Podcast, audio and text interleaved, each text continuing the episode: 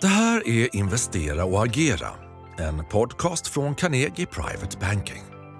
Hej och välkommen tillbaka till ett nytt år. Det här är det första avsnittet i år av Investera och agera. Det är idag den 19 januari och du lyssnar på mig, Carl Hedberg, som är aktiechef här på Carnegie Private Banking. Vi har ju fått en flygande start på det här börsåret. Eh, OMX eh, index är upp dryga 8% om vi tittar just nu och är ju med det då i toppen egentligen bland världens börser i utveckling. Tittar vi bort eh, mot den amerikanska marknaden så ser vi inte riktigt samma starka start men den är eh, dock positiv, upp ungefär 2,5% om vi tittar eh, till och med gårdagens handelsdag.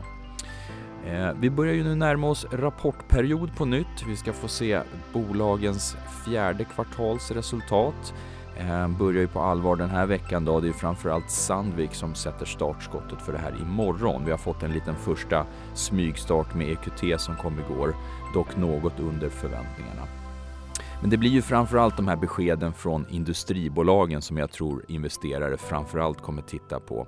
Så att Sandvik imorgon blir väldigt intressant och kommer ge oss en första liten inblick i hur fjärde kvartalet har varit och så får vi se om de gläntar något på dörren för, för kommande kvartal, om de har någon prognos där. Det tror jag investerarna kommer vara väldigt nyfikna på att höra om man börjar se några tecken på förändringar hos sina kunder.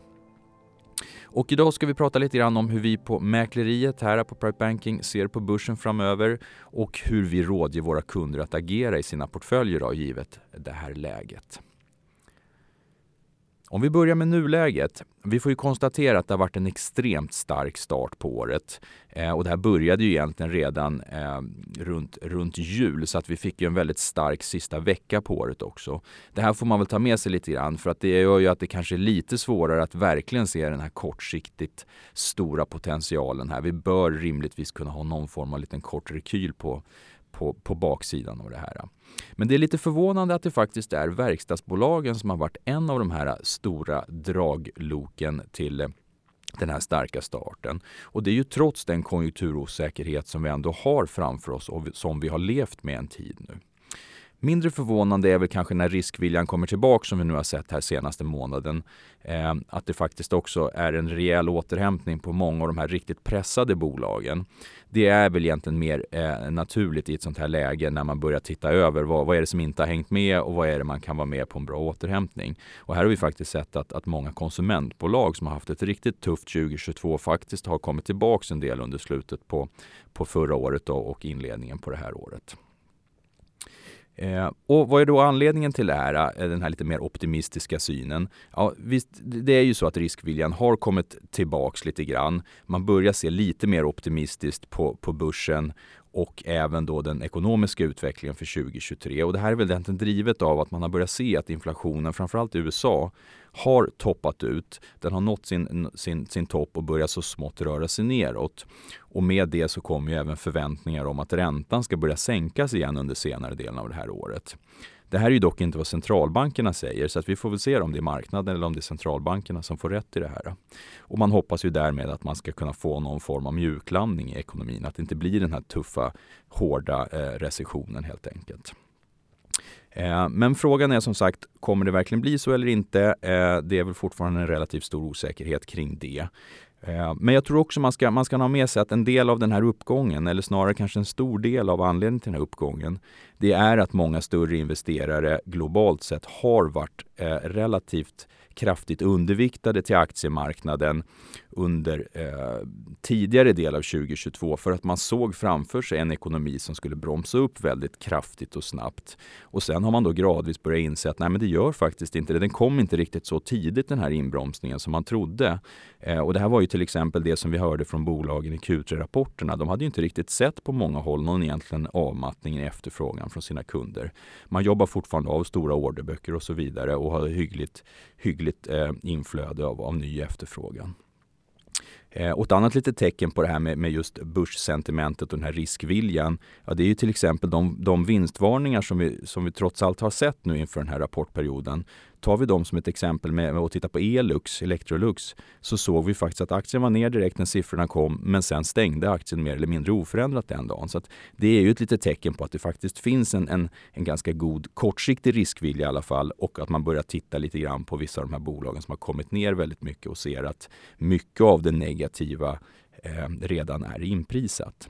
Vad ska vi då tro framåt? Ja, rapportperioden blir ju det som, som verkligen kommer visa vägen nu då. Och det man kommer titta lite grann på här, det är ju, håller efterfrågan upp? Och framförallt då, kommer man kunna få någon form av inblick i, i kommande kvartal från bolagen? Kommer de ge lite prognoser på det här då? Och hur tydliga kommer de vara? Givetvis är ju osäkerheten stor även för deras del. Eh, förra året var ju präglat av mycket inflationsfokus. Det här året så tror vi snarare att fokus går över mer mot vinst. Vinsterna, hur kommer vinsterna utvecklas för bolaget? Jag tror att de flesta är eniga över att, att som helhet så ska vinsterna ner, men frågan är hur mycket och hur snabbt. Och det här är väl egentligen lite grann det som kommer att avgöra hur börsen kommer att utvecklas här under det här året. När det gäller räntorna, då, ja, men där är ju stora frågan. Har marknaden varit för optimistisk i det här scenariot att man har prisat in räntehöjningar, eller förlåt, räntesänkningar eh, senare delen av det här året? Ja, eh, centralbankerna som sagt säger ju att att man ska fortsätta hålla kvar räntorna på, på, på de höga nivåerna man har nu och kanske till och med lite högre. Marknaden har prisat in ett, ett lägre scenario. Så att där återstår att se egentligen vem som har rätt. Eh, en första liten inblick på vägen här får vi då den, den första respektive andra februari när vi får nya räntebesked från svenskt och amerikanskt håll. Och det man även ska hålla lite utkik från här eh, framöver närmsta tiden, det är ju faktiskt också lite grann trenderna i marknaden. Vad gör investerarna eh, och hur påverkar det här kurserna? Det finns viktiga motståndsnivåer. Framförallt det man ska hålla lite koll på. Det här är amerikanska indexet S&P 500. De har en nivå på 4100 som, som ligger en liten bit upp som är ett, ett starkt motståndsnivå. Skulle den brytas, att investerarna helt enkelt fortsätter att köpa aktier så att, man trycker upp index över den här nivån, ja då tror jag faktiskt att det finns ett ytterligare litet köpflöde triggat av det. Och det kan kortsiktigt då ge ytterligare lite styrka. Och hur ska man då agera? Hur, hur rådger vi våra kunder i det här läget? Och det kan ju skilja sig lite grann på, på kort och lång sikt. Men jag tycker så här, kortsiktiga investerare eh, tycker jag fortsatt ska ha lite kassa. Vi är upp som sagt 8 sen, sen starten på året. Det finns stor risk att vi har en kort liten rekyl åtminstone. Den här tycker jag man ska försöka i så fall utnyttja så att man har kassa tillgängligt för att kunna gå in och köpa lite grann i en sån rekyl nedåt. Helt enkelt lite grann tillbaks till det här köpa, köpa dippen som man pratade mycket om då under 2021 när vi hade en väldigt stark marknad.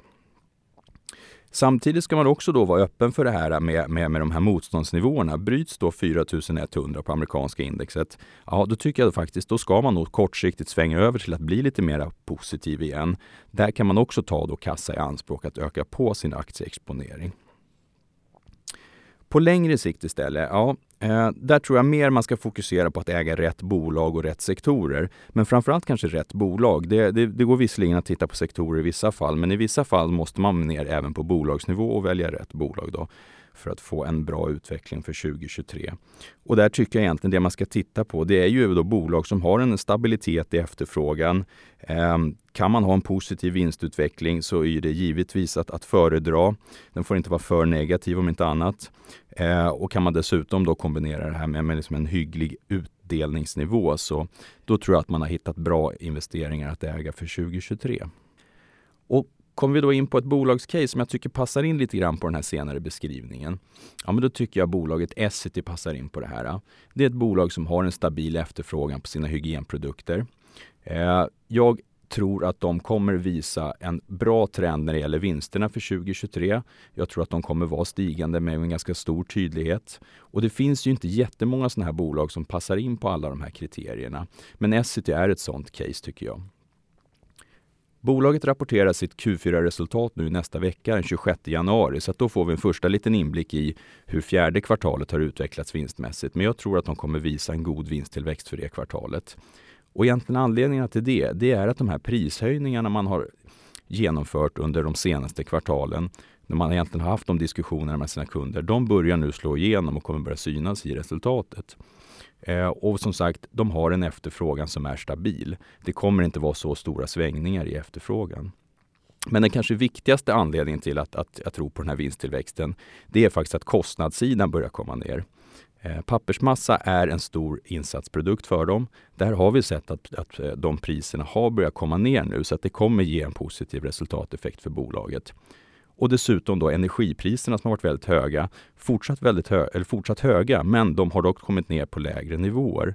Eh, och dessutom så pratade man om risk för, för, för, energibrist egentligen, att man behöver stänga ner produktion på vissa marknader för att man inte kan ha tillgång till, till energi att driva verksamheten fullt ut. Och det där har ju inte riktigt visat sig stämma. Det, det problemet har ju inte kommit. Så att det där gör ju också att förväntningarna har varit lite för lågt ställda.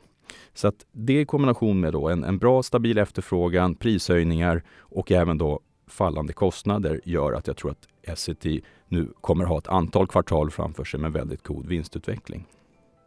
Utifrån detta scenario så tror jag att vi kan få se en ny trend med stigande vinstmarginaler i bolaget som jag tror kommer driva upp aktiekursen under 2023. Det här aktiecaset är en sammanfattning av Carnegies analys som publicerades för Carnegies kunder den 16 december 2022. Mer info om aktien finns länkat i beskrivningen till den här podden. Historik och underlag kan du få genom att mejla mar-information carnegie.se. Tack för att du har lyssnat. Är du intresserad av topprankad aktieanalys och unika investeringsmöjligheter? Gå då in på carnegie.se privatebanking och lär dig mer om vad du får som private banking-kund hos oss.